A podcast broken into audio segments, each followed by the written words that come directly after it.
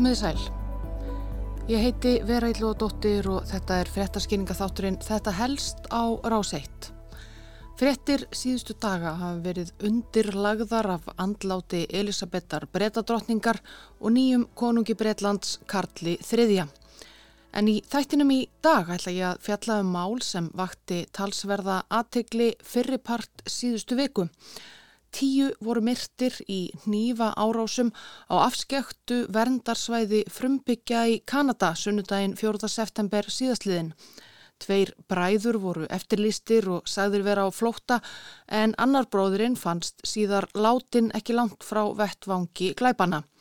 Hinn bróðurinn Miles Sanderson var loks handtekinn á miðvöggudag í síðustu viku eftir fjóra daga á flótta og lest svo í haldi lauruglu. Miles átti sér langa sögu óbeldisklæpa en var þó látin laus á skilorði nokkrum mánuðum fyrir ótaðisverkin.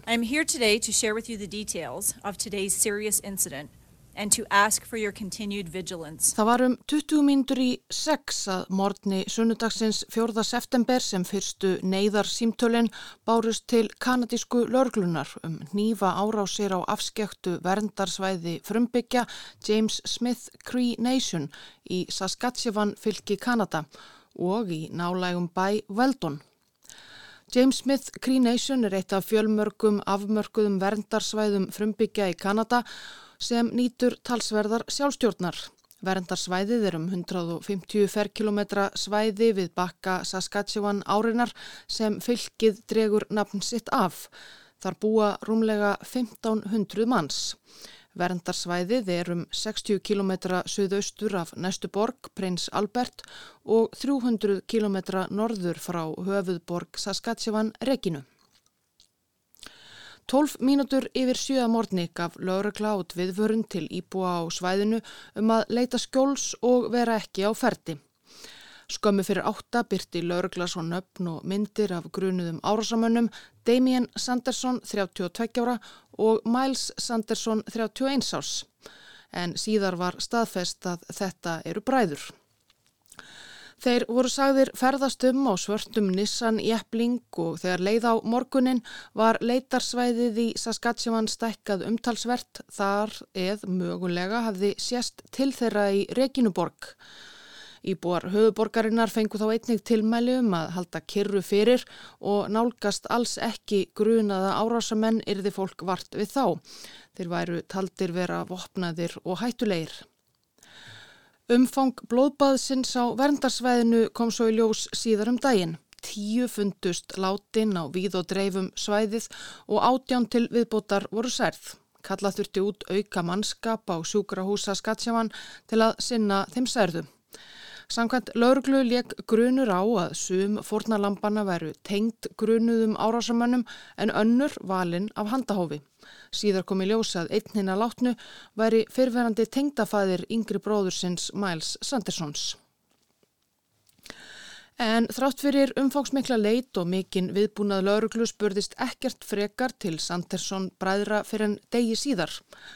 Lörglumenn á vettvangi í James Smith Cree Nation fundu þá lík eldri bróðursins, Damien Sandersons, hulið í háu grasi ekki langt frá vettvangi einnar nýfa árasarinnar. Líkið var með áverka sem bentu til þess að honum hafi verið ráðin bani. Leitin að yngri bróðurnum helt áfram á víðáttu miklum Gresium Saskatchewan.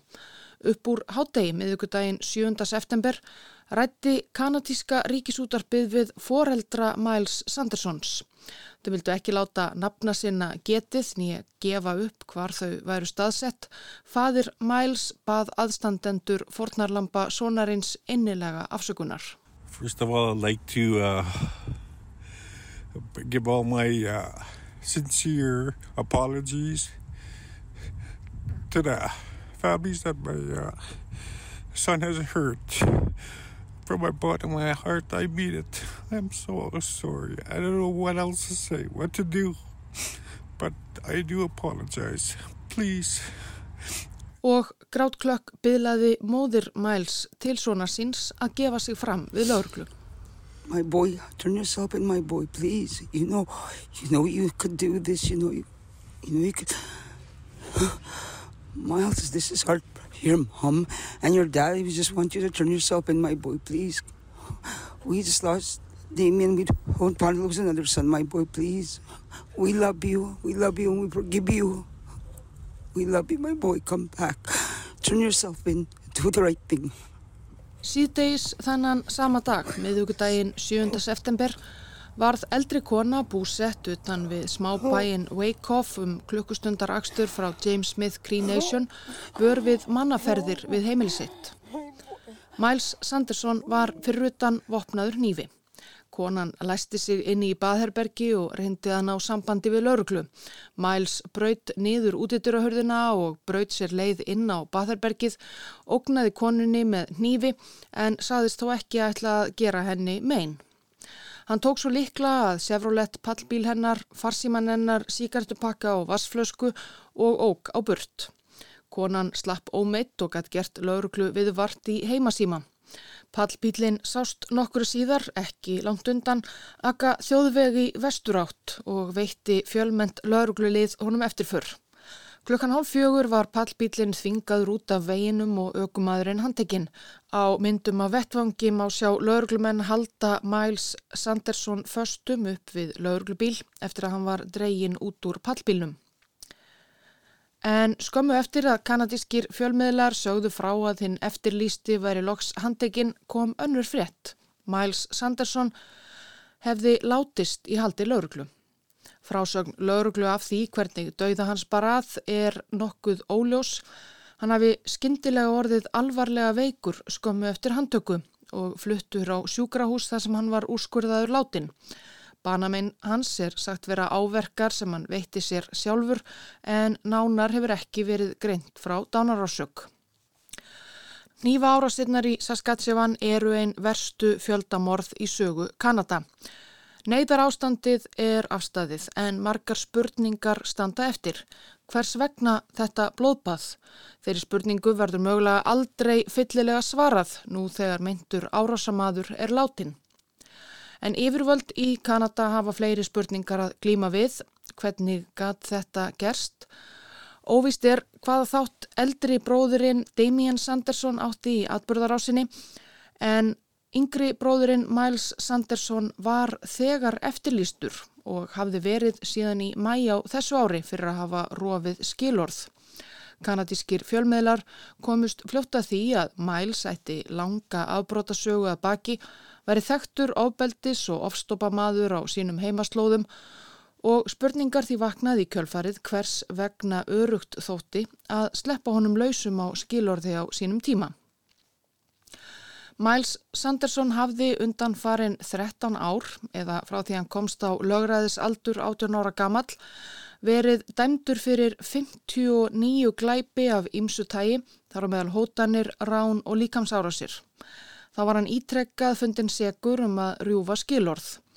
Hann var síðast dæmdur í fimm ára fangelsi fyrir líkams árásir og fleiri brott en var látin laus á skilorði í ágúst 2021. Skilorðinu fylgdu skilirði um að hann neytti kvorki áfengisni fíknefna og ætti ekki í nánu samneiti við konur án leifis skilórsfulltrúa síns. Fyrstum sinn mun honum hafa gengið vel, hann fekk vinnu, hjælt sér edru og gekk til sálfræðings en skilorðið var svo afturkallað í november í fyrra eftir að fyrverandi kærasta Sandersons hafði samband við skilorðsfullrua og greindi frá því að hann byggi hjá henni þvert á reglur. Sanderson var þá stungið aftur í fangilsi en sótti svo að nýju um skilorð í februar á þessu ári. Kanadískir fjölmiðlar hafa síðustu daga vitnað í úrskurð skilórsnemdar frá því februar þar sem gefin er ítarleg mynd af æfi Sandersons og ábrótaferli. Að sögn skilórsnemdar Ólst Miles Sanderson upp við fátækt vannrækslu, fíkn og ofbeldi frá unga aldri. Fóreldrar hans skildu þegar hann var nýja ára gamall og Miles ólst upp hjá föður sínum og afa á ömmu á viksl. Aðstæður voru báar á báðum stöðum. Hann byrjaði að drekka og reykja marihuana 12 ára gamall, 14 ára bætti hann kokaini við þann kokteil. Sjálfur saði Sanderson nefndinni að fíknefnanótkun og drikja gerði það verkum að hann misti vitið og reyttist auðveldlega en hann væri allt annar maður edru. Hann var sex barna fadir, fyrsta barnið eignaðist hann á táningsaldri en er saður hafa verið í litlum sem engum samskiptum við börn sín. Í úrskurði skilásnemdar eru síðustu brot Sandersons og tíunduð. Í júli 2017 réðst Miles inn á heimili fyrverandi kærustu sinnar og hafði í hótunum en hann hafði ítrekkað áður verið dæmdur fyrir að ráðast á sömu konum. Hann kýldi gata á Batherbergishurð hvar fyrir innan börn hennar földu sig og hendi múrsteini í gegnum rúðu á bifrið vinnar konunar. Nokkrum dögum síðar hótaði hann starfsmanni í verslun á verndarsveðinu lífláti. Í november 2017 hótaði hann ónemdum kunninga sínum með skotvopni og skipaði honum að ræna fyrir sig skyndibitastað. Miles komst svo undan með 150 dólarar ránsfeng. Ári síðar var hann dæmdur fyrir að stinga tvo menn með ostanýf og sama daginn ganga í skrokk á þriðja manninum með þeim afleðingum að hann misti meðvutund. Í júni 2018 lendi hann í átökum við tvo lauruglumenn sem reyndu að handtaka hann og sparkaði annan þeirra í höfuð og andlit. Skilors fulltrúi Sandersons mætti fyrir nefndina og mælti gegn því að hann fengi skilorða nýju þar sem hann hefði ítrekkað verið óhlýðinn og beittan blekkingum. Skilors nefndin tók þó annan pól í hæðina. Í úrskurði hennar er greint frá því að þrátt fyrir að Miles hafi átt við tíð agavandamála stríða í fangelsi hafi hann tekið þátt í námskeiðum og verkefnum sem sérstaklega eru ætluð til að beina brotamönnum af frumbyggjaættum á beinubrautina. Þá færi hann til sálfræðings, hefði haldið sér edru og tryggt sér vinnu. Ákveði var því að veita honum skilorða nýjum gegn því að hann stæðist sömu skilirði sem áður. Það er mat nefndarinnar að þú munir ekki stefna samfélagi þínu í óeðlilega hættu, segir í úrskurðinum frá því í februar og að reynslu laust muni auðvelda aðlugun þína að samfélaginu að nýjum sem löghlýðin borgari. Ekki var þó innistæða fyrir þessari bjastíni. Fjórum mánuðum eftir að Sandersson var látin laus til reynslu enn eina ferðina í mæja á þessu ári hætti hann að mæta til skilórsfulltrúa síns kvarf og var í kjölfarið eftirlýstur. Í septemberbyrjun dúkaði hann svo aftur upp og varð 11 manns að bana á síðar sjálfum sér. Skilorðs nefnd Kanada og fangelsismálastofnun hafa lísti yfir að þau ætla að taka mál Sanderssons til skoðunar í ljósi þessa. Fórnarlömp Miles Sandersons voru á aldrinum 23 til 78 ára, öll búsett á verndarsvæðinu James Smith Cree Nation fyrir utan elsta fórnarlampið Wesley Patterson sem bjó í grannbænum Weldon. Seks af tíu fórnarlömpum tilherðu sömu fjölskyldunni. Sem fyrr segir var einn hinn að látnu Errol Burns, 66 ára, fyrverandi tengdafaðir Sandersons og hafði hann áður reynd að ráða honum bana með nýfi árið 2015. Átján til viðbútar serðust í árásunum þar meðal einn ungur táningur.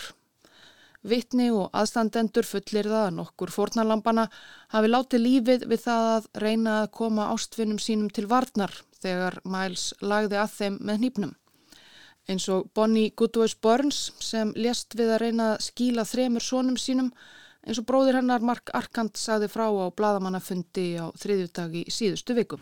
She's a hero right outside of her home. She was killed and she was protecting her son. She was protecting these three little boys. Mörgum spurningum er enn ósvarað og verður kannski aldrei svarað. Eftir er samfélagið í James Smith Cree Nation í sárum en þó ekki sigrað eins og Mark Arkand saði frá á bladamannafundi. We're hurting. We're broken, but we're not defeated. En þetta var helst frá Saskatchewan í Kanada að þessu sinni. Ég þakka þeim sem hlýtu. Þetta helst verður aftur á sínum stað að loknum háttegisfréttum á morgun.